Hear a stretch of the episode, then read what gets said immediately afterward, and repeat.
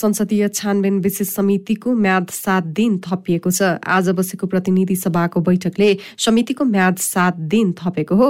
तत्कालीन अर्थमन्त्री जनार्दन शर्माले आर्थिक वर्ष दुई हजार उना असी असीको बजेट निर्माण गर्ने क्रममा गत चौध जेठमा अनधिकृत व्यक्तिलाई अर्थ मन्त्रालयमा प्रवेश गराएर करको दर हेरफेर गरेको आरोपमाथि छानबिन गर्न सो समिति गठन गरिएको हो। काम थालेको दस दिनभित्र आफ्नो जिम्मेवारी पूरा गर्न कार्यविधि तोकिएको थियो तर समय अपुग हुने भन्दै समिति सदस्यको आग्रह अनुसार सभामुख अग्निप्रसाद सापकोटाले आज म्याथ थप सम्बन्धी प्रस्ताव पेश गर्नुभएको थियो। उक्त प्रस्तावलाई बैठकले स्वीकृत गरेको हो।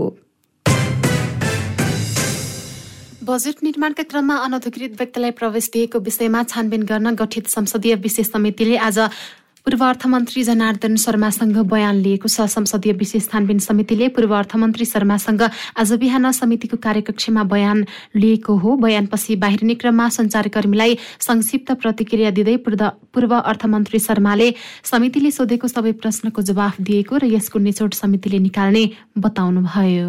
त्यस्तै छानबिन समितिका सचिव सुरेन्द्र अर्यालले आजको बयानमा पूर्व अर्थमन्त्री शर्माले सदनमै भनेको कुरा दोहोऱ्याएको बताउनु भएको छ। शर्माले बजेट निर्माणका क्रममा कुनै पनि अनधिकृत व्यक्ति प्रवेश नगरेको बयान दिएको अर्यालले बताउनु भयो। उहाँले आफ्ना कुराहरू त सदनमा पनि करिब करिब प्रस्तुत गरि नै रहनु भएको छ। अब अर्थ मन्त्रालयका प्रशासनिक कर्मचारीहरूले पनि करिब करिब अब भनेका कुराहरू तपाईँले थाहा पनि पाइसक्नु भएको छ। अब करिब करिब तिनै कुराहरूलाई चाहिँ सपोर्ट गर्ने गरी चाहिँ मान्य मन्त्रीज्यूले चाहिँ। राख्ने कुरा आज पनि दोहोऱ्याउँछु यो छानबिन प्रक्रियाको एउटा महत्त्वपूर्ण आयामको रूपमा पक्षको रूपमा रहेको सिसिटिभी फुटेज को सन्दर्भमा हामीले यो रिकभरी गर्न सकिने भयो रिकभरी गर्नको लागि भनेर हामीले चाहिँ नि नेपाल प्रहरीको चाहिँ फरेन्सिक ल्याबमा पठाएको। प्रतिवेदन कहिले आउँछ भनेर चाहिँ आजसम्म अब हामीले भन्न सक्ने अवस्था छैन। र उहाँहरूले पनि लिखित रूपमा हामीले यति दिनभित्र पठाउँछौँ भनेर चाहिँ भन्नुभएको त्यस्तै अनधिकृत व्यक्ति प्रवेश गरेको प्रमाणका रूपमा रहेको सिसिटिभी फुटेज भने अहिलेसम्म प्राप्त गर्न नसकिएको सचिव अर्यालले बताउनु भएको छ। सिसिटिभी फुटेज रिकभरी हुने सम्भावनामा नेपाल प्रहरीको फरेन्सिक प्रयोगशालामा हार्ड डिस्क पठाइएको अर्यालले बताउनुभयो प्रहरीबाट प्राप्त हुने प्रतिवेदनका आधारमा छानबिन अघि बढ्ने उहाँको भनाइ छ। सभामुख अग्निप्रसाद सापकोटाले अमेरिकी स्टेट पार्टनरसिप प्रोग्राम एसपीपी सम्झौताबारे सरकारले गरेको निर्णय कार्यान्वयनबारे संसदलाई जानकारी गराउन रुलिङ गर्नुभएको छ। आजको बैठकमा सत्तारूढ दलकै सांसद सहित अन्य सांसदले पनि एसपीपी सम्झौता रद्द गर्ने सरकारको निर्णय कार्यान्वयन नभएका बारे आपत्ति जनाउँदै सरकारलाई रुलिङ गर्न माग गरेका थिए। राप्रपा अध्यक्ष राजेन्द्र लिङ्गदेनले खर्चिलो अव्यवहारिक संघीय व्यवस्था देशले धान्न नसक्ने पुष्टि भएको बताउनु भएको छ। आजबाट काठमाडौँमा सुरु भएको दुई दिने केन्द्रीय समिति बैठकमा अध्यक्ष लिङ्गदेनले प्रतिनिधि जनप्रतिनिधि र प्रशासनिक खर्चको भार बोझिलो हुँदै करको दायराले जनताको जनजीवन नै प्रभावित भएको भन्दै अव्यवहारिक संघीय व्यवस्था देशले धान्न नसक्ने पुष्टि भएको बताउनु भएको हो। उहाँले राज्य संस्थालाई बहिष्करण गरेका कारण हालसम्म पनि शान्ति प्रक्रियाले हालसम्म पूर्णता पाउन नसकेको तर्क गर्नुभएको छ। सरको मूल्य वृद्धि र बजार घाटा वैदेशिक मुद्राको अल्प सञ्चित असन्तुलित आयात निर्यातको दर उत्तिकै कहाले लाग्दो रहेको उहाँले बताउनुभयो। उहाँले ठूला भनिएका दलकै कारण मुलुकमा भ्रष्टाचार व्याप्त बनेको र मुलुकमा आर्थिक समस्या देखा परेको तर्क गर्नुभयो। सत्ताको नेतृत्व गर्दै आएका ठुला राजनैतिक दलहरू र भ्रष्टाचार कुशासन र मनपरी तन्त्रको पर्याय बनेका छन्। शक्ति पृथ्वीकरण प्रजातान्त्रिक नियन्त्रण र सन्तुलनका आधार धुमिन पार्न अग्रसर छन्। आफूलाई विधिबन्ध माथि राख्ने प्रवृत्तिका प्रवर्तक बनेका छन्। मूलत बैसठी त्रिसठीबाट प्रारम्भ भएको राजनैतिक विकास क्रम बाटो भुलेको यात्री सर भएको छ। जे रोप्यो त्यही फल्छ भने चाहिँ लक्ष्यविहीनतामा रुमलिएको छ। विदेशी भूमिमा विदेशीको आग्रहमा भएको बाह्र बुधे सहमतिको त्रुटिपूर्ण मार्गचित्रले कुशासन र भ्रष्टाचार बाहेक केही दिन सकेको छैन। विधिको चरम अवमूल्यनबाट प्रजातन्त्र नै धरापमा परेको छ। बैठकमा लिङदिलले प्रारम्भिक समसामयिक राजनैतिक परिवेश र भावी कार्ययोजना पेश गर्नुभएको थियो। राष्ट्रिय प्रजातन्त्र पार्टी नेपालका अध्यक्ष कमल थापाले अहिलेको निर्वाचन प्रणाली खर्चिलो भएकाले समानुपातिक निर्वाचन प्रणालीमा जानु उपयुक्त हुने बताउनु भएको छ। आज पार्टीद्वारा काठमाडौँमा आयोजित एक कार्यक्रममा बोल्दै उहाँले यस्तो बताउनु भएको हो।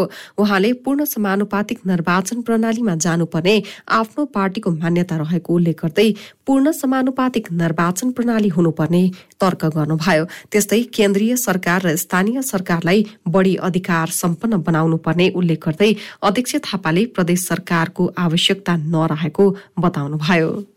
संरचनामा पनि आमूल परिवर्तन हुनुपर्ने आवश्यकता देखेका जस अनुसार राप्रपा नेपालले परम्परागत शैलीको संसदीय प्रजातन्त्रको विकल्पमा जनताबाट प्रत्यक्ष निर्वाचित प्रधानमन्त्री हुने व्यवस्था उपयुक्त हुन्छ भन्ने अवधारणा अघि सारेको छ। यसै गरी अहिले कायम रहेको अत्यन्तै खर्चिलो र विकृति र विसङ्गतिले भरिपूर्ण निर्वाचन प्रणालीको सट्टा पूर्ण समानुपातिक निर्वाचन प्रणाली कायम गर्नुपर्छ भन्ने हाम्रो मान्यता छ। अध्यक्ष थापाले राष्ट्रवादी शक्ति बीचको बलियो एकताबारे एकताबाट मात्रै मुलुकको समृद्धि र विकास सम्भव हुने बताउनुभयो। उहाँले आफ्नो पार्टी मुलुकको वैकल्पिक राजनीतिक शक्ति भएको दावी समेत गर्नुभयो। नेकपा एकीकृत समाजवादीका अध्यक्ष माधव कुमार नेपालले गठबन्धनलाई कायम राख्दै वाम शक्तिहरूलाई एकताबद्ध गर्ने बताउनु भएको छ। आज काठमाडौँमा निर्वाचित जनप्रतिनिधिहरूलाई अभिमुखीकरण कार्यक्रममा बोल्दै अध्यक्ष नेपालले गठबन्धनलाई कायम राख्दै वाम शक्तिहरूलाई एकता बनाउँदै कम्युनिष्ट आन्दोलनमा जुटेकासँग संवाद गर्दै अगाडि बढ्ने बताउनु भएको हो। उहाँले अहिले आफ्नो पार्टीप्रति आकर्षण बढ्दै गएको जिकिर गर्नुभएको छ। अबको निर्वाचनमा समानुपातिकतर्फ बीस लाख मत भन्दा बढी ल्याउने गरी तयारीमा जुट्न कार्यकर्तालाई निर्देशन दिनुभएको छ। लोकतान्त्रिक समाजवादी पार्टीका सांसद ब्रिजेश कुमार गुप्ताले किसानलाई तत्काल मलको व्यवस्थापन गर्न सरकारसँग माग गर्नु भएको छ। त्यस्तै उहाँले पानीको अभावले किसानले आत्महत्या गर्नुपर्ने अवस्था आएकाले किसानलाई तत्काल राहतको व्यवस्था गर्न पनि माग गर्नु भएको छ। गृह मन्त्रालयले सार्वजनिक विदाको दिनमा चल्ने सरकारी सवारी साधनको चाबी नखोज्न निर्देशन दिएको छ। सार्वजनिक विदामा चलेका सवारी साधनको चाबी विभिन्न समूहले खोसेपछि गृह सचिव स्तरीय बैठकले उक्त निर्देशन जारी गरेको हो। गृहले प्रहरी प्रधान कार्यालय र सबै जिल्ला प्रशासन कार्यालयलाई पठाएको पत्रमा केही दिनदेखि सार्वजनिक विदाको दिन सरकारी सवारी साधन चलाएको भन्दै विभिन्न समूहको नाममा सवारी साधन रोक्ने चाबी खोज्ने लगायतका गतिविधिहरू भइरहेको उल्लेख गरिएको छ। झण्डावाल सवारी साधन सुरक्षा निकायले प्रयोग गर्ने सवारी साधन एम्बुलेन्स दमकल जस्ता अत्यावश्यक सवारी साधनहरूलाई सार्वजनिक विदाको दिन चलाउन सवारी पास आवश्यक नपर्ने हुँदा सोही बमोजिम आवश्यक व्यवस्था मिलाउन गृहले भनेको छ। अत्यावश्यक सेवाका बाहेक अन्य सरकारी सेवाका सवारी साधन विदाको दिन समेत चलाउनु पर्ने भएमा अनिवार्य सवारी पास लिएर मात्र चलाउन गृहले निर्देशन दिएको हो। बागमती प्रदेशसभा बैठकमा प्रदेश र स्थानीय तहका कर्मचारीलाई व्यवस्थापन गर्न बनेको अध्यादेशलाई प्रतिस्थापन गर्न बनेको विधेयक पास गरिएको छ। आजको प्रदेशसभा बैठकमा मुख्यमन्त्री राजेन्द्र पाण्डेले प्रदेश निजामती सेवाको गठन सञ्चालन र सेवाका शर्तका सम्बन्धमा व्यवस्था गर्न बनेको विधेयक र स्थानीय तहका सेवाको गठन तथा सञ्चालन सम्बन्धमा व्यवस्था गर्न बनेको विधेयक पेश गर्नुभएको हो। आजको बैठकमा अन्य दुई ऐनलाई संशोधन गर्न बनेको विधेयक पनि पेश गरिएको छ। प्रदेशका आन्तरिक मामिला तथा कानून मन्त्री कृष्ण शर्मा खनालले विभूषण सिफारिस तथा सम्मान र पदक सम्बन्धी ऐन दुई हजार छयत्तरलाई संशोधन गर्न बनेको विधेयक पेश गर्नु भएको छ। त्यस्तै प्रदेशका युवा तथा खेलकुद मन्त्री रत्नप्रसाद ढकालले युवा परिषद ऐन दुई हजार छयत्तरलाई संशोधन गर्न बनेको विधेयक पेश गर्नु भएको थियो। नेपाल राष्ट्र ब्याङ्कका गभर्नर महाप्रसाद अधिकारीको राजीनामा माग गर्दै आज माइतीघरमा कार्टुन प्रदर्शन सहित विरोध कार्यक्रम आयोजना गरिएको थियो। नेपाल विद्यार्थी संघ माओवादी समर्थित अखिल क्रान्तिकारी र नेकपा एकीकृत समाजवादी समर्पित अनि रासोवियोका विद्यार्थीले संयुक्त रूपमा विरोध प्रदर्शन गर्दै राजीनामा माग गरेका हुन्।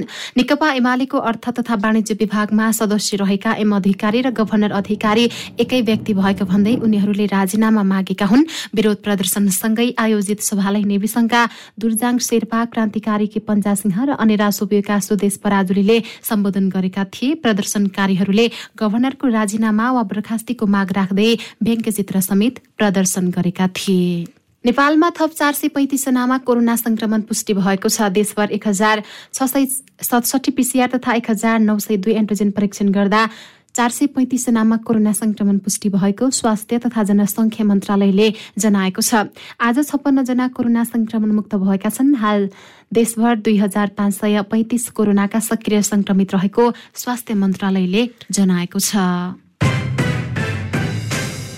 वर्षा र अत्याधिक गर्मीका कारण जिल्ला अस्पताल लमजुङमा दैनिक ज्वरो झाडा पखाला र रुगाखोकीको समस्या लिएर आउने बिरामीको संख्या बढेको छ। अस्पतालमा विभिन्न स्वास्थ्य समस्या लिएर आउने बिरामी मध्ये पछिल्लो समय बढी मात्रामा झाडा पखाला र ज्वरोको समस्या भएका बाल बालिकाहरू उपचारका लागि आएको अस्पताल प्रमुख हेमन्त श्रेष्ठले बताउनु भएको छ। उहाँका अनुसार अहिले दैनिक पचासदेखि जना बाल बालिका उपचारका लागि अस्पताल आउनेको अस्पतालको तथ्याङ्क छ। उनीहरूमा बढी मात्रामा झाडा पखला ज्वरो रुगाखोकी रगत मासीको समस्या देखिएको छ। वर्षा हुँदा केही चिसो र वर्षा नहुँदा अत्याधिक गर्मीका कारण र खानपानमा समस्या नदिँदा बालबालिकामा बढी मात्रामा मौसमी स्वास्थ्य समस्या देखा परेको चिकित्सकको भनाइ छ। यस्ता स्वास्थ्य समस्या आउन नदिन तथा फैलिन नदिन सरसफाइमा ध्यान दिन ताजा खानेकुरा खान र पानी उमालेर तथा फिल्टर गरी पिउन चिकित्सकको सुझाव छ। डोटी जिल्लाका स्थानीय तहले मदिरा सेवन तथा बिक्री वितरण समेतमा रोक लगाउने निर्णय गरेको छ। क्याइसिङ गाउँपालिकाको वडा नम्बर सात सलेनाले मदिरा बिक्री वितरण तथा सेवन गर्नेलाई ढुङ्गा बोकाउने निर्णय गरेको छ। उक्त वडामा कसैले मदिरा सेवन गरे पन्ध्र दिन र बिक्री गर्नेलाई वडा कार्यालयसम्म एक महिना ढुङ्गा बोकाउने निर्णय गरिएको वडाध्यक्ष दिलबहादुर बलायरले बताउनु भएको छ। वडामा मदिरा बिक्री वितरण गर्दै आएका व्यापारी तथा वडावासीसँगको छलफल पश्चात उक्त निर्णय गरिएको उहाँको भनाइ छ। वडामा सञ्चालन हुने गाडीमा मदिरा ओसार पसार गर्नेलाई समेत एक महिना गाडी गाडी होल्ड राख्नुपर्ने निर्णय समेत गरेको ओडा कार्यालयले जनाएको छ। यसै गरी आदर्श गाउँपालिकाले यही साउन एक गतेदेखि मदिरा बिक्री वितरण तथा सेवनमा पूर्ण रूपमा बन्देज लगाउने निर्णय गरेको थियो। गाउँपालिकाका अध्यक्ष गणेश खड्काले मदिरा ओसार पसार गर्नेलाई चालिस हजार जरिवाना तथा बिक्री वितरण गर्नेलाई तीस हजार जरिवाना गर्ने निर्णय गरिएको जानकारी दिनुभएको छ।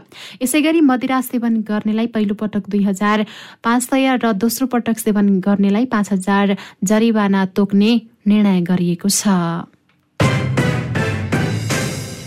पर्वतमा दुईजनामा डेङ्गु रोगको संक्रमण फेला परेको छ। उपचारका लागि जिल्ला अस्पताल आएका दुईजनामा डेङ्गुको संक्रमण रहेको पुष्टि भएको हो। स्वास्थ्यमा समस्या आएपछि परीक्षणका लागि आएका मध्ये दुईजनामा डेङ्गुको संक्रमण रहेको बुधबार पुष्टि भएको अस्पतालका सूचना अधिकारी लक्ष्मण उपाध्यायले जानकारी दिनुभयो। उनीहरू दुवैजना कुष्मा नगरपालिकाका बिरामी रहेको अस्पतालले जनाएको छ। घरमा बसिरहेको अवस्थामा लगातार पाँच सात दिनसम्म ज्वरो आएपछि उपचारका लागि आएका उनीहरूमा संक्रमणको संख्यामा प्रयोगशालामा गरिएको परीक्षणबाट डेङ्गु रहेको पुष्टि भएको हो। दुवैजनाको उपचार भइरहेको अस्पतालले जनाएको छ। काठमाडौँ महानगरपालिका वडा नम्बर सात सरस्वती नगर स्थित एक घरमा रहेको अवैध गोदाममा प्रहरीले छापा मारेको छ। उपत्यका अपराध अनुसन्धान कार्यालयको टोलीले गोदाममा छापा मारेको हो। अवैध सामान भण्डारण गरेर राखेको सूचनाको आधारमा पुगेको प्रहरी टोलीले गोदाममा छापा मार्दा विभिन्न ब्रान्डका विदेशी चुरट गुटका हुक्का फ्लेभर अक्सिमिटर र पटक्का लगायतका एक करोड मूल्य बराबरको अवैध सामान बरामद भएको कार्यालयका एसपी कृष्ण कोइरालाले जानकारी दिनुभएको छ।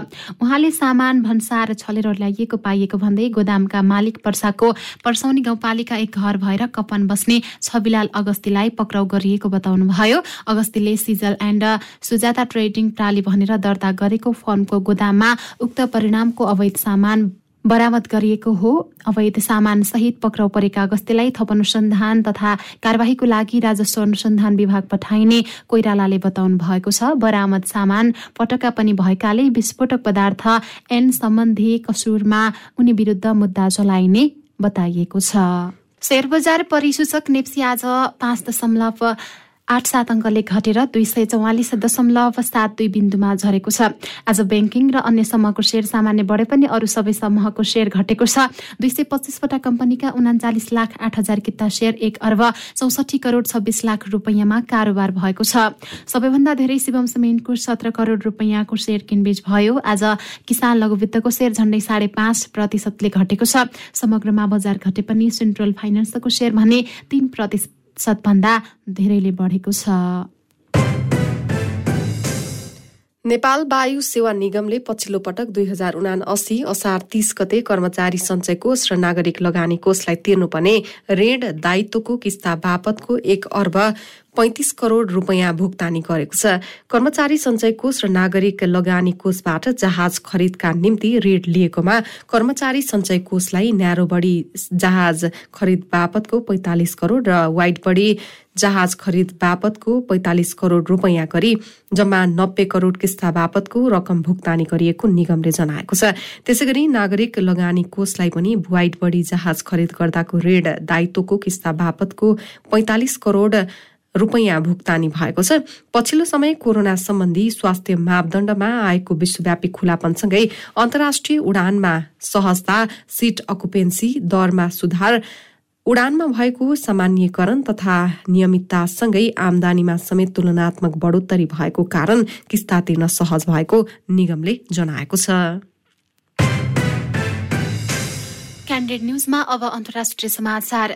रुसले बन्द गरेको दस दिनपछि मुख्य पाइपलाइनबाट युरोपमा ग्यास निर्यातलाई निरन्तरता दिइएको छ। मर्मत गर्ने भन्दै रुसको मुख्य ग्यास कम्पनी गाज प्रोमले मुख्य पाइपलाइन नोर्ड स्ट्रिम एक मार्फत हुने ग्यास निर्यात दस दिनदेखि रोकेको थियो। गाज प्रोमले आज युरोपमा ग्यास निर्यात सुरु गरेको बीबीसीले जनाएको छ तर पाइपलाइनको क्षमताको चालिस प्रतिशत ग्यास मात्रै रुसले युरोपमा पठाइरहेको खबरमा उल्लेख छ। रुसले मर्मतको लागि नोर्ड स्ट्रिम एक मार्फत ग्यास निर्यात रोकेपछि युरोपेली देशलाई देशले रुसलाई इन्धनमा राजनीति गरेको आरोप लगाउँदै रुसको ग्यास प्रयोगमा सात महिनाभित्रमा पन्ध्र प्रतिशतले कम गर्ने चेतावनी दिएका थिए। गएको वर्ष रुसले युरोपमा माग हुने ग्यासको चालिस प्रतिशत हिस्सा ओगटेको थियो तर गएको फेब्रुअरीमा युक्रेनमा आक्रमण गरेको विरोधमा युरोपेली देशले रुसी ग्यासमाथिको निर्भरता कम गर्ने प्रयास गरिरहेका छन्। जर्मनीले ग्यासमा रुसमाथिको निर्भरतालाई पचपन्न प्रतिशतबाट पैंतिस प्रतिशतमा झारिसकेको छ। युरोपका अरू देशले बिस्तारै रुसी इन्धनमा माथिको निर्भरता कम गर्न वैकल्पिक उपायको खोजी गरिरहेका छन्।